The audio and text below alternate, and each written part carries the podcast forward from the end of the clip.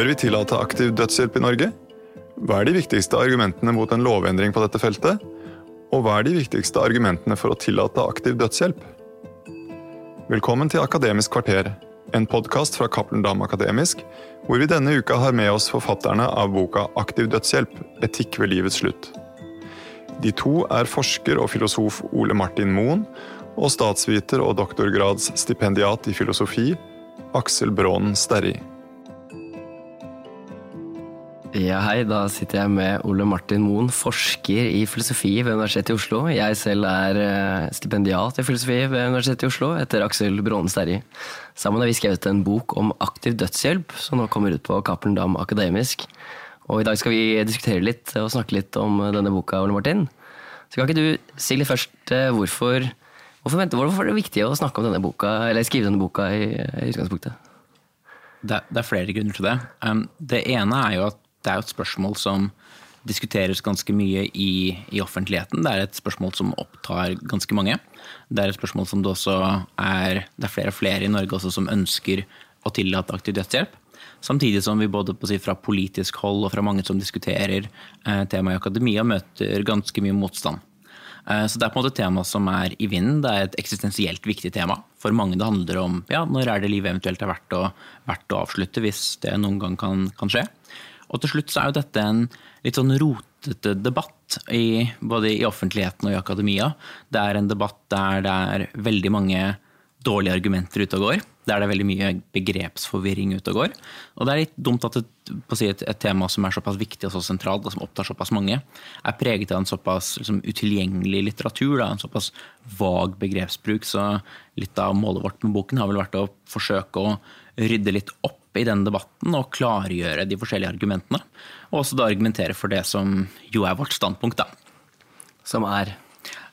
Ja, det kan du kanskje selv si også. Hvor er det vi har landet? Dette er ikke bare en bok der vi sier, der vi prøver å sortere i debatten. Vi prøver jo å si noe om hvordan vi også konkluderer. Absolutt. Og eh, vi argumenterer jo da for at vi bør legalisere aktiv dødshjelp. At det bør være lov. Eh, og få lov til å få hjelp til å dø under visse forutsetninger. Det jo, men det er kanskje mer interessant nettopp hvordan vi går og argumenterer for det, enn akkurat eh, konklusjonen vi kommer med også. At det er mye mat for selv de som er uenige med oss. Men før vi går på en måte grundig inn i måte, argumentene for og mot, som jeg håper vi kan få mye tid til i dag, så er det allerede kommet noe eh, kritikk eh, bl.a. på sosiale medier. Så ser jeg en del leger som sier hm, dere er jo to filosofer. Kan to filosofer egentlig ta for seg spørsmålet om aktiv dødshjelp? Dette, vel, liksom, dette er jo leger som er nær er på og kjenner på, på hver dag, så jobber de med folk som er døende. Hvordan kan to filosofer egentlig ha en mening om et så eh, vanskelig spørsmål? Hmm. Altså, det er jo en litt sånn kniving om ganske mange spørsmål hvorvidt det på en måte er, de er filosofiske, eller om de er lege, legevitenskapelige. Hvem er det egentlig som liksom er, er, fagfolkene her? Da? Jeg har sett flere nettopp leger som sier at ja, det må være noen fagfolk med, med i vurderingen av dette. Eh, og gitt litt premiss om at det er, det er leger der som er, som er, fagfolkene. Og det er klart Leger har jo en, en, kompetanse som er veldig viktig for å diskutere spørsmålet om, om, om aktiv dødshjelp. Men det, det har jo også en mye større etisk og eksistensiell side. Og jeg tror en, en nyttig parallell kan være litt til abortspørsmålet. Uh, abortspørsmålet handler jo nettopp også om avslutning av et liv, eller at et liv ikke skal komme. Og det er en debatt der vi er enige i at det ikke primært er et legevitenskapelig, et helsefaglig spørsmål hvorvidt abort bør være tillatt. Det er et mye mer større etisk, allment spørsmål. Og jeg tror vi bør se på aktiv dødshjelp litt på den samme måten. Altså de store, viktige spørsmålene knyttet til aktiv dødshjelp handler ikke om det rent medisinske. Eh, vi vet veldig godt hvordan vi kan gjøre det. Eh, vi, det, det, er, er, implementert flere steder i verden. Så ofte så ser jeg jo at de, de som nettopp fremmer at helsepersonell bør være de som uttaler seg om dette, veldig ofte kommer med det jeg vil anse som filosofiske argumenter. Eh, og knyttet til bør vi kunne avslutte et liv. Um, hvor viktig er selvbestemmelse? Når er livet eventuelt verdt å leve eller ikke? Dette er jo etiske og mer eksistensielle filosofiske spørsmål som jeg tenker at filosofer nok har ganske, forhåpentligvis, da, har noe nyttig å, å bidra med. Mm. Og det er jo egentlig nesten litt rart når man sier at sant, hvis det skal være slik at leger er de eneste fagpersonene. For når vi måtte gå gjennom de ulike argumentene, så er det et vanlig for eksempel, argument er jo dette at uh, hvis vi legaliserer For de fleste kan kanskje gå med på at det fins noen tilfeller hvor noen uh, lever så forferdelig liv. altså De lider så utholdelig mye. Det er ingenting vi kan gjøre for dem, og de virkelig ønsker å dø. Så tror jeg mange vil si at ok, i de tilfellene der så bør det kanskje være greit uh, at de får lov til å få hjelp til å dø. Men vi er redd for at dette skal på en måte bidra til en presedens, det skal skje en utglidning, og ikke minst at det skal være slik at hvis vi legaliserer aktiv dødshjelp, så kommer dette til å føre til press på de mest sårbare i samfunnet. Og det er jo en påstand som egentlig ikke er på en måte heller legevitenskapelig. Den handler jo om kan man kalle den sosiologisk eller statsvitenskapelig, eller hva det skal være som har å gjøre med hvordan er det samfunnet som helhet vil komme til å respondere på en lovendring. Så det er jo på en måte mange ulike fagretninger vi prøver å trekke på i denne boka når vi diskuterer dette store, kompliserte spørsmålet. At det ikke er én eh, fagretning som eh, medisin eller legevitenskapen som nærmest kan ha monopol på denne avgjørelsen bare fordi man er tett på pasienten. Og som Vi også, vi prøver å gi et par sånne stikk til leger også i løpet av boka. for Vi sier at det er jo ikke alltid det er slik at heller eh, legen er den som alltid er nærest. Altså Man glemmer ofte ok, hva med sykepleierne, som også har en veldig veldig tett uh, kontakt med pasienter som uh, Og kanskje noen ganger mer kontakt med pasientene og se på lidelsen og det livet de har på sykehjem, eller hvor det skal være. Så de også sitter med en kompetanse som kanskje for sjelden løftes fram i den debatten. Ja, Sykepleiere er nok ofte mye nærmere på også, og er jo også mer positive enn hva leger er til å tillate aktiv dødshjelp. Eh, jeg tror det er veldig viktig det at det er mange forskjellige fag som, studerer, eh, som er relevante for å studere aktiv dødshjelp.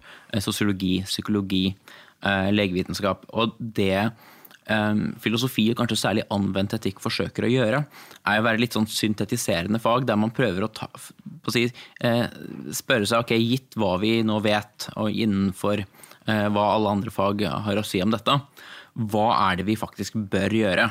Etikk er et normativt fag. Prøve å finne ut hva er det vi, vi, bør gjøre. Så det er på en måte et forsøk på å ta dette litt sånn fugleperspektivet på hele diskusjonen. Og, og forsøke å stake ut en, ut en, kurs.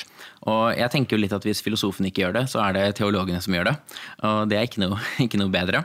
Så jeg tror noen må på en måte ta tak i den litt sånn overordnede diskusjonen og ikke prøve å bare begrense den til sitt, sitt eh, si, mer begrensede felt. Da. Det er i hvert fall det som har vært litt av, litt av intensjonen da, med å skrive, skrive denne boken. Mm.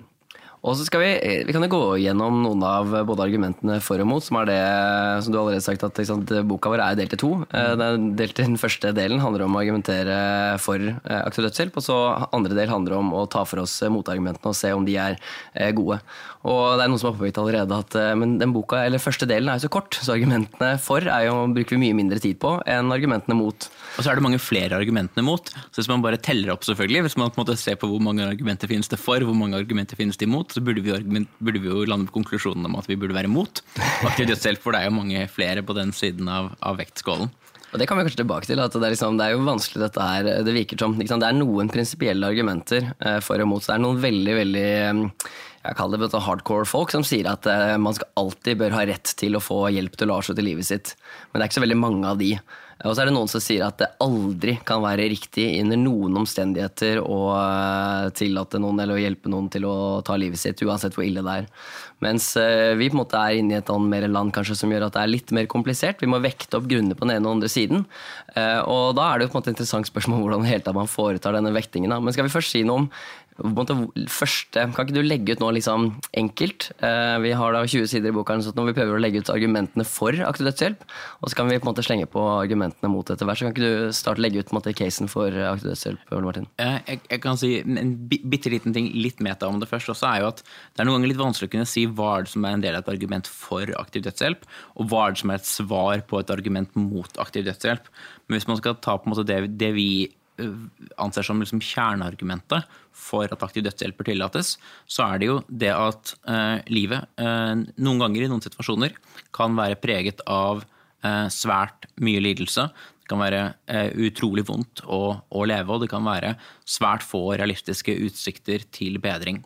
Og i en slik situasjon så eh, argumenterer vi da for at noen ganger kan livet kan være slik at det ikke er, er verdt å leve og at det altså kan være bedre å dø enn å fortsette å leve. Og på et prinsipielt grunnlag så tror jeg veldig mange vil være enig i det. Vi har noen tankeeksperimenter og diskuterer noen forskjellige eksempler for å argumentere for at jo, det er et prinsipp som mange nok, nok er enig i. Det kan noen ganger være bedre.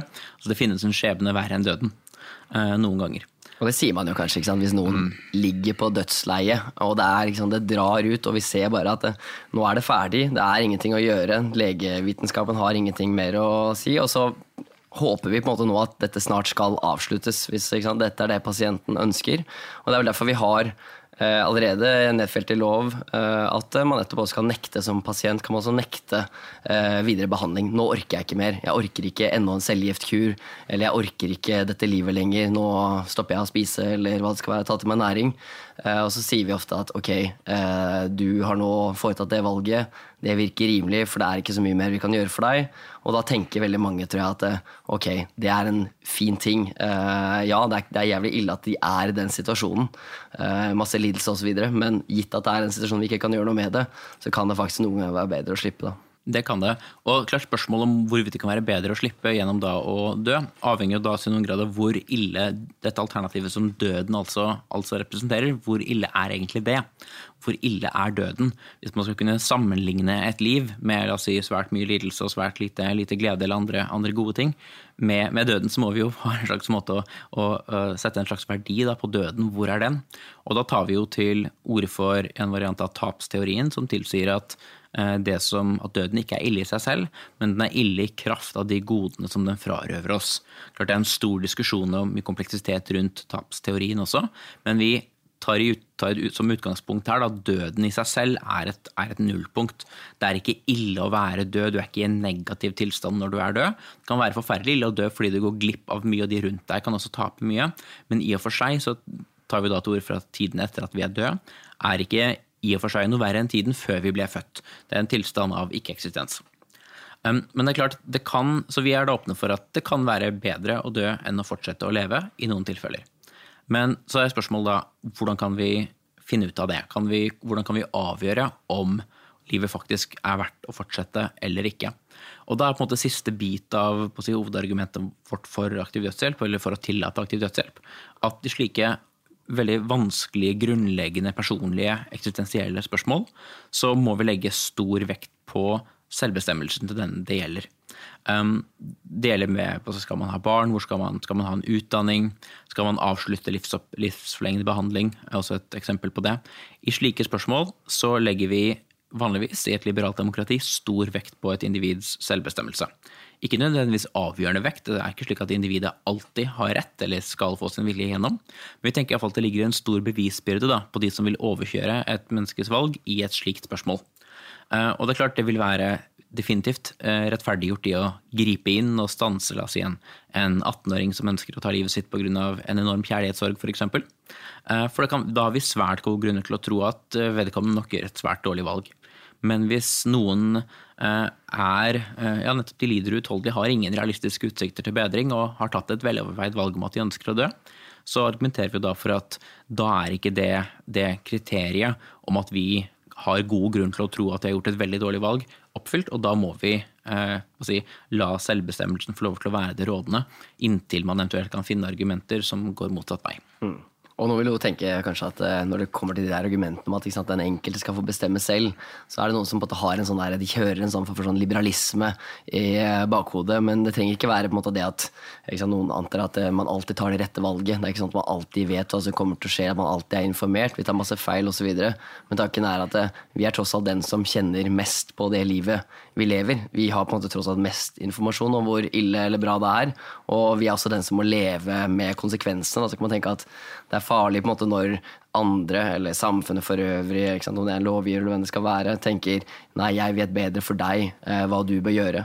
Så at vi på en måte vanligvis, som du var inne på, sant, gir eh, den enkelte ganske stor myndighet over, eh, over de store avgjørelsene som tas i deres liv, nettopp fordi de tross alt må leve med det og vet litt sånn hvordan det påvirker dem. da. Det gjør det jo og kan man jo si her også da, at vi legger oss ikke så mye borti spørsmålet om hvorvidt eh, det vil være riktig av for et enkelt menneske å velge å dø eller ikke. Spørsmålet er egentlig ikke hva vi selv bør velge, spørsmålet er jo bare hva vi bør kunne tillate, tillate andre å velge. Og det er jo, så det er ikke noe, De som ikke ønsker aktiv dødshjelp, de skal selvfølgelig ikke få aktiv dødshjelp. Så Spørsmålet er ikke om de fortsatt skal få lov til å si nei, spørsmålet er om de som ønsker det, skal få lov til å si ja.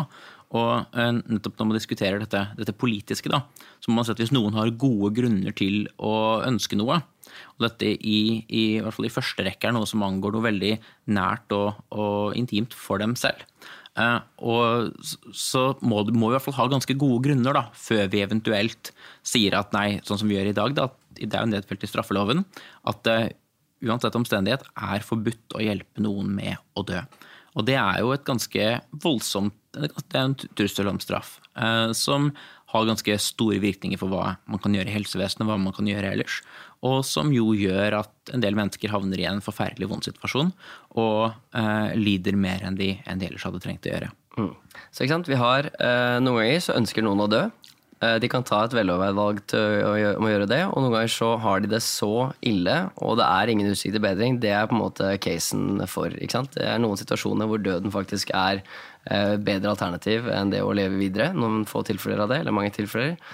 Og man på en måte bør få lov til å ta de, i hvert fall i stor grad, bør få lov til å ta de avgjørelsene selv. Men da vil mange tenke allerede nå ok, men det er jo ikke slik at det bare er den enkelte som bare skal få lov til å ta eh, livet sitt, for det er jo lov allerede. Altså, det er lov til å ta selvmord. Det vi diskuterer i dag, er jo spørsmålet om noen leger skal komme inn og hjelpe noen å dø. Og da har vi på en måte en mye mer komplisert situasjon her. Da. Så det vil jo mange si. Eh, Dette her er ikke noe som Ja, greit nok, eh, noen kan godt få lov til å avslutte livet hvis de ønsker det. Men hvorfor skal vi gjøre dette her til en uh, samfunnsgreie, hvor vi setter leger som har som sin fremste jobb å helbrede mennesker, de skal plutselig nå begynne å, å ta livet av uh, mennesker. Og vi har jo en mot, meningsmotstander i denne debatten, uh, Bjørn Hoffmann, som kaller dette for Vi ønsker å introdusere bødler, er hans, hans argument. Så det er jo en større og vanskeligere sak her, som nettopp handler om den institusjonaliseringen. Ja, Da kommer vi jo på en måte til hovedbiten av boka her. da. Mm. Eh, det er klart, Bare den første det vi har sagt så langt, er jo ikke da tilstrekkelig til å være et argument om at vi bør tillate aktiv dødshjelp. Men det er det vi mener at i hvert fall dytter bevisbyrden over på de som ønsker å opprettholde dagens forbud. da. Eh, og så er det jo spørsmålet om ok, hva er det som hva er det som eventuelt taler imot, og hvordan er det, er det dette kan, kan implementeres. Og vi får nok ikke gått gjennom alle argumentene her, men vi har gjort en ganske, jeg tror vi har gjort en ganske god jobb jeg tror jeg tør å si det, med å forsøke å få på bordet alle de sentrale argumentene, både av vektige argumenter og av kanskje ikke vektige argumenter i det hele tatt, eh, for hva som eventuelt skulle tale imot dette utgangspunktet om at folk må få lov til å velge dette selv, iallfall i noen tilfeller. Eh, så vi, vi, har jo egentlig, vi har jo denne boka 13 kapitler, 13 små, kapitler relativt små, som tar for seg hvert enkelt argument mot.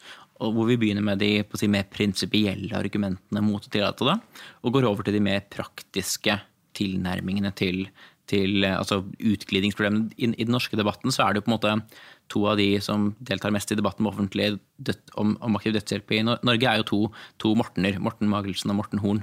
Uh, der Morten Magelsen jo er på den mer prinsipielle siden og mener dette er galt alltid under alle omstendigheter. Men på en måte kategorisk avviser det. Mens Morten Horn jo er mer på den siden at det er kanskje ikke kategorisk galt, men det er såpass problematisk å avgrense det og implementere det at vi likevel ikke kan tillate det. Og så begynner vi da med det prinsipielle og går over til det mer praktiske. Det gir også mening, for hvis det er galt av prinsipielle årsaker, så er det heller ikke noen grunn til å gå videre og diskutere de mer praktiske spørsmålene, for da er det jo galt, uansett hvor klokt det implementeres. Absolutt. Og vi kan jo bare gå gjennom noen av de som er mest interessante. og vi kanskje har, hvor, Spesielt noen av dem hvor vi kanskje er uh, ikke så sikre selv. Eller det er noen ting som er veldig vanskelig eh, når det kommer til i fall, hvordan dette her skal avgrenses og slike ting, som vi kanskje kan si noe om.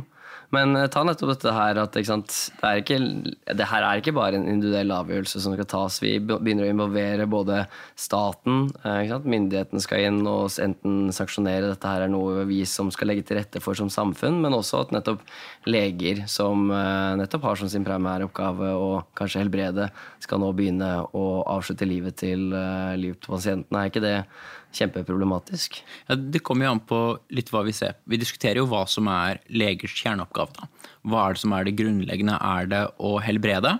Eller er det også andre, andre ting? Eh, her kan vi trekke en parallell til abortdebatten igjen. Da. Burde leger kunne utføre abort? Abort handler ikke om å helbrede, med mindre graviditet er en sykdom. Og det er det formodentlig ikke. Eh, så her ser vi allerede at vi har gått utenfor på å si det å skulle helbrede, og det går, går fremdeles helt fint for helsevesenet og for tilliten til, til helsevesenet.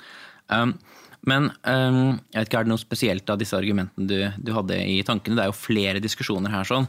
Er det prinsipielt galt å drepe? Kan man tillate å hjelpe til med et selvmord? Ligger det i legeetikken? Noe som går imot den hippokratiske ed? Så Alt Leon, dette er jo poenget vi diskuterer. Absolutt, så Leon Cass er jo en av de som sier det. At det er sånn, ok, er, altså, Leger har en primær oppgave, og det er nettopp å helbrede.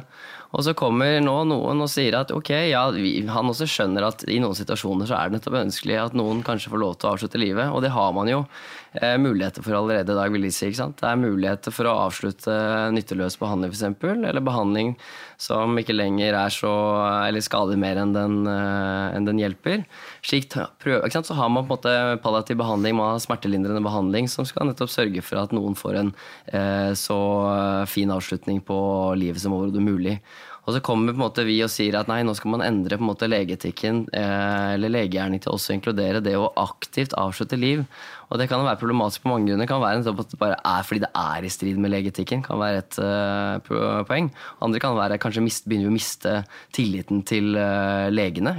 Nå tenker vi at legen vil gjøre alt, uh, alt, han kan for å på en måte hjelpe oss, men hvis det er en mulighet for at han kan hjelpe oss med å avslutte livet vårt, så plutselig har uh, det snudd, og jeg tror ikke jeg lenger stoler på at legen vil, uh, vil gjøre alt han kan for å, for å, redde livet mitt. da. Ja, det, det, det, det, ene spørsmålet er jo hva er det måte, legeetikken sier. da, Hva er denne legeetikken egentlig, hvordan forholder den seg til etikken som helhet? Eh, og klart, spørsmålet om hva leger skal, så kan man tenke at de skal helbrede.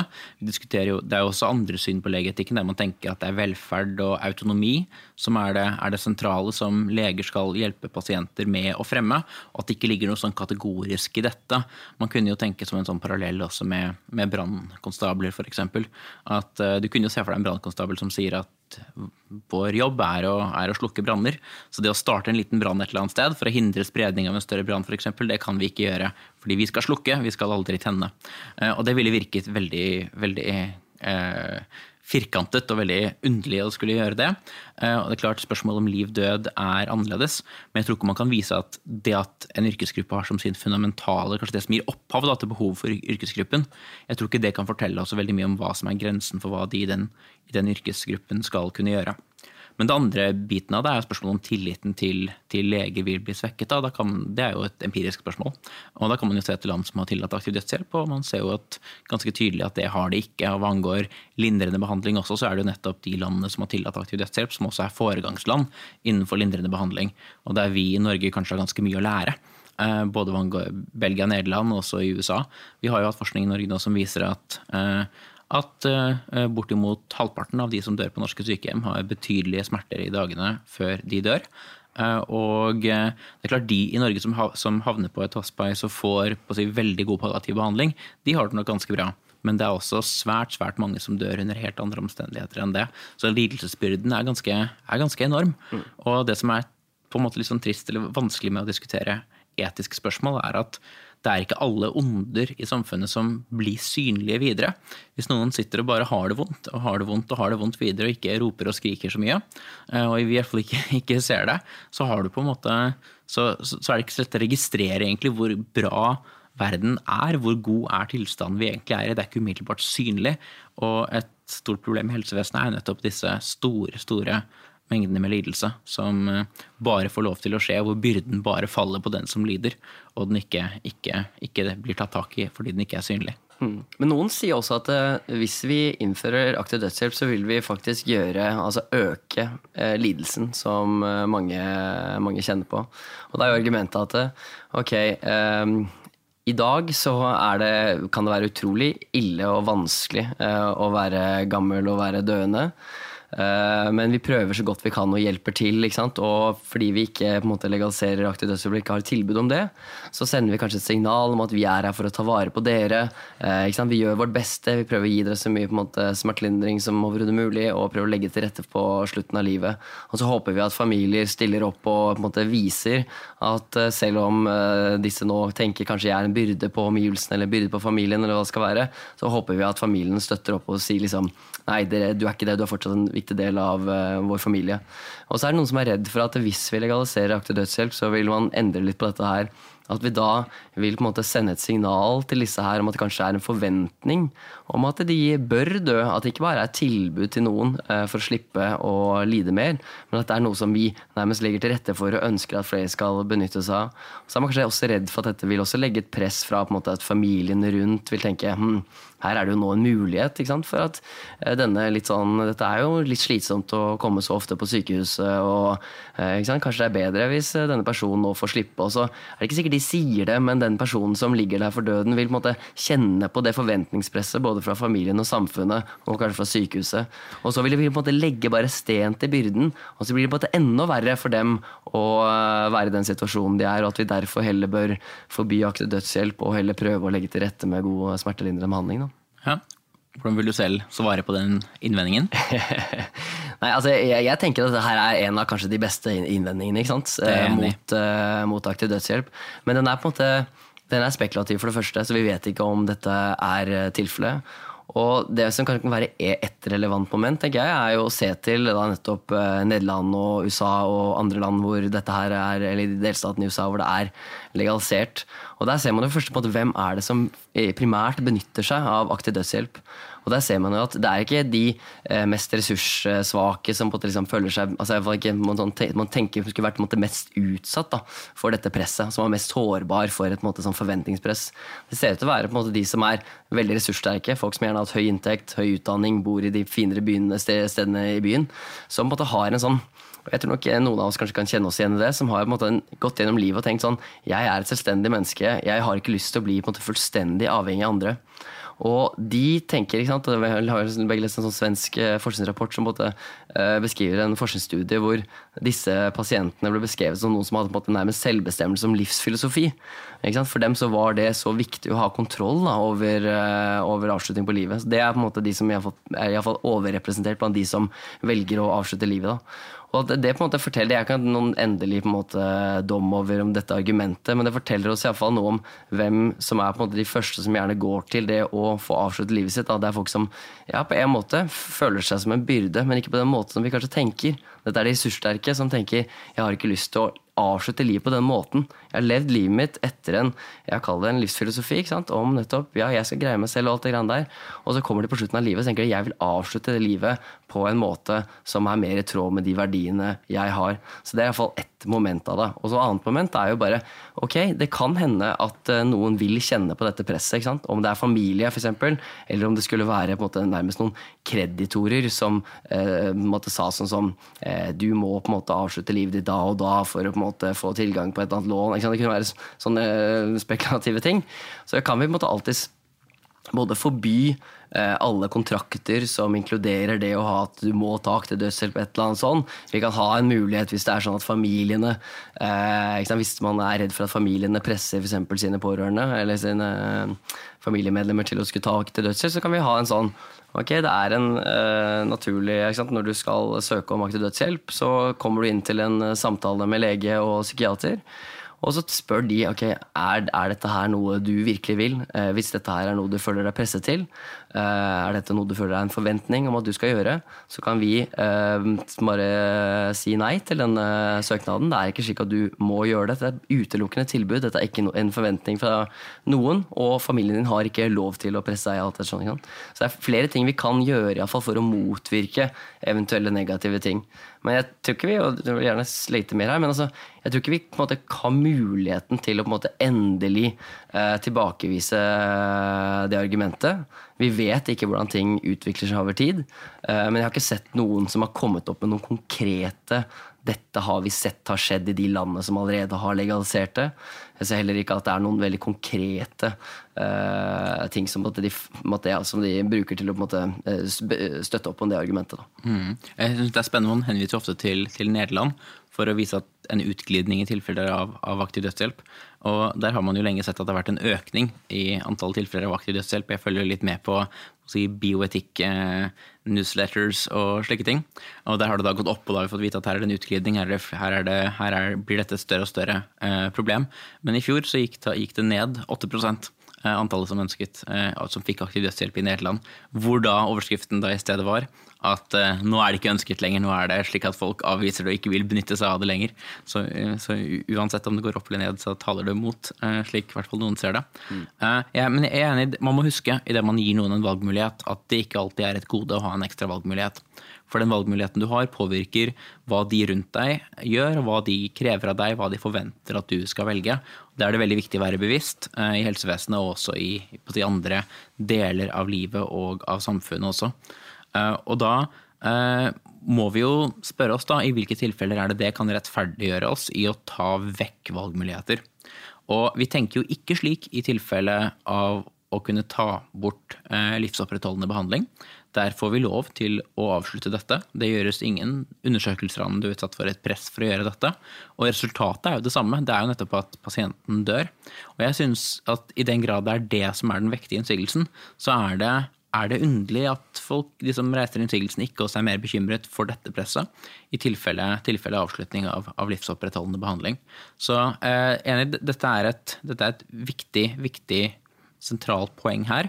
Men vi tenker i de fleste bitene av livet at det å kunne ha kontroll over de, de viktige avgjørelsene i livet ditt, altså vil du få barn f.eks., vil du ta en utdanning, hvor vil du bo Det er klart det at du har muligheter kan gjøre deg sårbar for press, men det gir deg er jo også et stort gode da, i å ha muligheter. Så vi må ha ganske tungtveiende grunner før vi kan ta vekk fra mennesker muligheten til å ta valg i, i vanskelige situasjoner.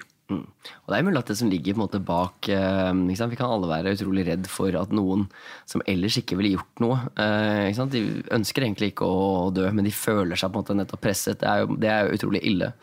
Men når folk bare ser da nettopp tall på at noen, stadig flere, sant, velger å bruke aktiv dødshjelp, så tenker de på en måte nødvendigvis at dette her er Dette må jo være press, for hvorfor ville ellers noen gjøre det?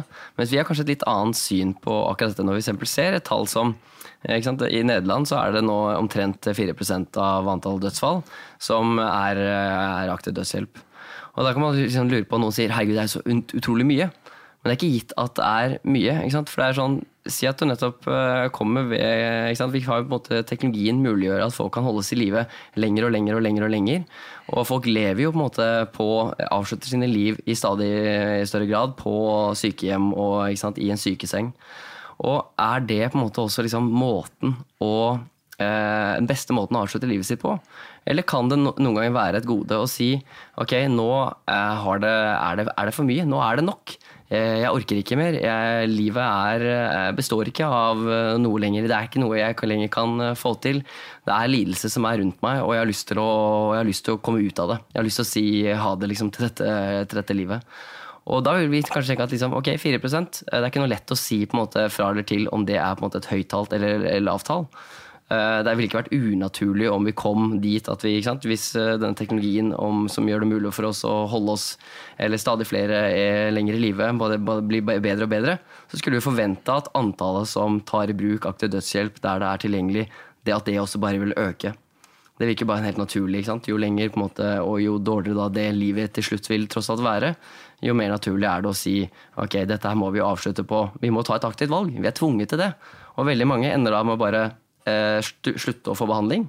De vil ikke lenger ta til seg ta nettopp den cellegiftkuren, eller de slutter å spise eller drikke. Men det også er nettopp et aktivt valg. Så, det, så aktiv dødshjelp i disse situasjonene her vil bare være en annen form for aktivt valg. Og det er helt naturlig at det vil oppta en stadig større, flere, eh, større del av de dødsfallene som vi ser blant eh, spesielt eldre. Mm. Og, jeg, og jeg tror jo at vi innen 15-20 år vil se tilbake Jeg tror dette kommer, kommer til å bli, bli, tillatt i Norge. Og jeg tror vi kommer til å se tilbake på det som en, et litt sånn underlig og tilbakelagt stadium der det ikke var mulig, uansett hvor vondt du hadde det, uansett hvor si, gjennomtenkt valget ditt var om at du, du, ville dø, uansett hvor lite utsikter de hadde til bedring, så skulle du ikke få hjelp til å dø. Du måtte bare ligge der med det du fikk av eh, tilgjengelig smertebehandling, frem til det, du, det, det, det som plaget deg, tok livet av deg. Jeg tror vi vil se på det som en veldig, som en veldig umenneskelig ting. Som en, en, en, en ting vi om, om, en stund vil ha helt vanskelig med å se hvordan det kunne være så mange som mente at, at dette ikke burde være tillatt, og at det altså burde være straffbart å hjelpe noen med det. Mm. Så jeg, jeg, jeg tror vi, vi, ser at det er en økende oppslutning om dette i Norge også. Og da er det jo eh, viktig. da. Altså det er, dette er jo et vanskelig spørsmål. Det er et vanskelig, det er vanskelig å avgrense dette. Jeg tror eh, både de som er si for og mot, jeg tror hvis de tenker at svaret er åpenbart, så tenker jeg at de antagelig tar feil. For det er et veldig vanskelig spørsmål. Implementering er et veldig vanskelig spørsmål. og det er jo da vi må jo finne Det vi jo appellerer til eh, i boken, er jo å søke egentlig å finne en slags norsk modell for dette. Der vi kan ta det beste og si, høste det beste fra erfaringene både fra USA og fra, fra Belgia, Nederland og Luxembourg. Og se om vi kan finne en god norsk måte å, å implementere dette i, i lovverket og helsevesenet på. Og det kan vi si litt til slutt om bare akkurat hva det vil innebære. Altså Vi forsvarer jo på en måte tre kriterier. Og vi har vært innom det allerede. Og det er jo det at de må ha eh, at de må ha en utholdelig lidelse, og at det ikke nettopp er noen utsikter til bedring. Og at de må ha tatt et veloverveid eh, valg som, hvor de ikke er presset av noen til å ta det valget. Det er på en måte de tre kriteriene vi legger til grunn. Men så er det mer enn det. Eh, det er også på en måte snakk om de helt konkrete. Måte, hvordan er det dette her egentlig kan liksom, eh, Er det slik at vi skal private gjøre det, eller offentlig gjøre det? Eh, mange sånne mm, konkrete vurderinger som vi også går litt inn på for å forhindre at man ser noen av de dårlige trekkene fra f.eks. fra man ser i Nederland. Og da er jo en ting som har vært å nevne, tenker jeg, er det derre vi vil jo gjerne ha at det skal være for første, det skal være to fagpersoner, hvorav en lege og en som er psykiater eller psykolog, psykolog som er én ting, for å sikre at ikke det bare er slik at du kan gå til en lege, og den legen tar en vurdering om du nettopp lider utholdelig og har ingen utsikt til bedring, og dette var et veloverveid valg. Det må være to som, to som bekrefter dette, og dette er det samme som de har da, i Nederland. Men så er det et videre spørsmål som mange har vært bekymret for som, uh, i Nederland, er jo at det, det er mulig å for en uh, Hvis du uh, ja, for det, det er, at det er der, der, er, du kan gå til den legen du selv ønsker. Eh, så Hvis du vet for at en lege er mer liberal, en som er kjent for å være litt sånn ok, her er det lettere å få tilgang til eh, aktiv dødshjelp, så kan du gå til den legen. Og hvis du har et system hvor det er mulig for pasienten selv å velge legen, så kan du tenke at det skjer en utglidning over tid, hvor på en måte den som er mest liberal til enhver tid, setter på en måte grensen for hvor, eh, hvor lista ligger. Da. Og da vil man tenke at det kommer stadig flere sånne tilfeller som vi kanskje ikke ønsker oss. Da. Så det vi foreslår, er jo at det skal være at det ikke skal være mulig for pasienten å velge en lege som skal avgjøre om de skal få tilgang på aktiv dødshjelp. Mens derimot hvis de får, blir nektet, så skal det være mulig å anke den avgjørelsen. Du skal på en måte få en oppnevnt nye, eh, en ny lege og en ny psykiater eller psykolog som kan ta den saken eh, igjen. Men så og hvis den da blir eh, innfridd, så kan du gå ut til det private, kanskje, og få muligheten til å få utført dette. Men selve vurderingen om eh, du faktisk eh, innfrir det, de kriteriene, eh, det skal foretas av eh, leger som er oppnevnt i fall av, eh, av det offentlige. Så du slipper denne kanskje uheldige utlidningen som man har sett i Nederland. Mm, det er jo en, et aspekt det. Det andre er et spørsmål som hvorvidt hvorvidt aktiv dødshjelp skal kunne motiveres av psykiske lidelser. Og da psykisk lidelse alene, altså fordi man er deprimert, man har schizofren f.eks., eller man har andre, andre, andre, betydelige psykiske lidelser. Og der har vi jo, det er, en, det er tillatt i, i, i, Nederland, men det er en vanskelig grensedragning. og Vi har jo landet på at vi nok ikke bør tillate det. Både pga. spørsmålet om beslutningskompetanse der, og også pga. Eh, spørsmålet om press eh, i disse situasjonene. Og eh, til slutt også hvor vanskelig det er å kunne sette en prognose på en psykisk lidelse, hvordan den kommer til å utvikle seg videre. Så det er jo en av de måtene vi kanskje ønsker å være litt mer forsiktige også, enn, enn hva, de, hva, de, er i Nederland. Men vi, vi håper jo da at denne boken her kan stimulere til en diskusjon da, om aktiv dødshjelp som klarer å gå litt mer inn i disse, altså ikke bare spørsmålet om man bør kunne få rett til å dø, eller kunne få hjelp til å kunne dø i noen situasjoner, men gå litt mer inn i okay, nøyaktig hvilke situasjoner da, altså hva bør kriteriene være, hvordan kan dette implementeres da, så, ikke, så egentlig ikke hvorvidt, men spørsmålet om hvordan. Uh, hvordan er det dette kan gjøres, for jeg er ganske sikker på at dette er noe som er på vei, noe som kommer til å skje. Og da er det jo viktig at dette implementeres på en måte som er, er så god som, som overhodet mulig. Ja, og Jeg også har håp om at uh, denne boka kan måte, sette i gang litt en uh, debatt, spesielt blant politikerne. For det er jo interessant som jeg var inne på i starten, at her er det et flertall av befolkningen som i ganske lang tid har vært for å legalisere aktiv dødshjelp. Uh, mens blant de politiske partiene på Stortinget så er det knapt noen som er for. Og det er jo en?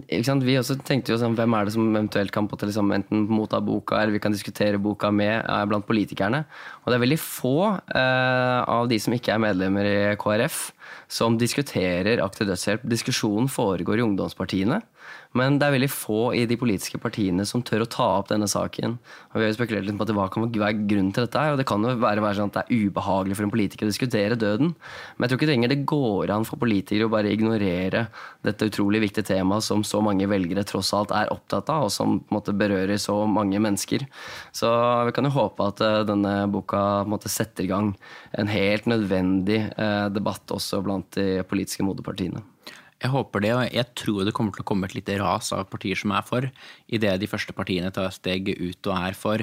Fremskrittspartiet er jo prinsipielt for, men gjør likevel i praksis gjort svært lite for å, for å, fremme dette. Og det er klart det er jo en diskusjon som er ubehagelig, og man kan få veldig mange anklager mot seg. Skal vi på å si, gi en giftsprøyte istedenfor å hjelpe de som er eh, lidende? Og i, et sånt debatt, politisk debattklima hvor man har et par minutter frem og tilbake da, på Dagsnytt 18 liksom, for, å, for, å, diskutere, så er klart, da, er det, da kan du få en svær si, byrde mot deg. Hvis du er den første som tar skrittet for, i retning av å skulle argumentere for å tillate aktiv dødshjelp. Men når først noen har gjort det, og du nettopp har den ganske brede støtten i befolkningen, da, så tror jeg veldig veldig mange partier og politikere kommer til å, å komme etter. Mm, og Det er interessant eh, hvordan du ser nettopp eh, Noen vil se deg som slipper soap, men det er interessant å følge nettopp erfaringen fra Nederland og Belgia, hvor de tross alt har eh, legalisert dette, hvor du ser støtten blant leger og befolkningen eh, for øvrig øker, ikke minker, etter at de eh, har legalisert det. Da får man på en måte finne ut hvordan dette her fungerer. Og nettopp at erfaringen, det her gikk ikke så gærent som det man trodde det skulle gå. Og man har også samme sant, erfaring fra delstaten i USA. Det er ikke slik at man går tilbake og tenker her, nå dreit vi oss ut. Eh, det er slik at man ser at dette her er faktisk et mulig tilbud eh, til de som har det aller, aller vanskeligst, og vi ser at det tross alt fungerer. Ja, vi har jo over 20 års erfaring med dette i, i Oregon nå. Og det er ingen stor utglidning, og det er en, er en sterk oppslutning. Så, så, jeg tror er, jeg tror noen tror at idet man tillater aktiv dødshjelp, så går det virkelig i utforbakke.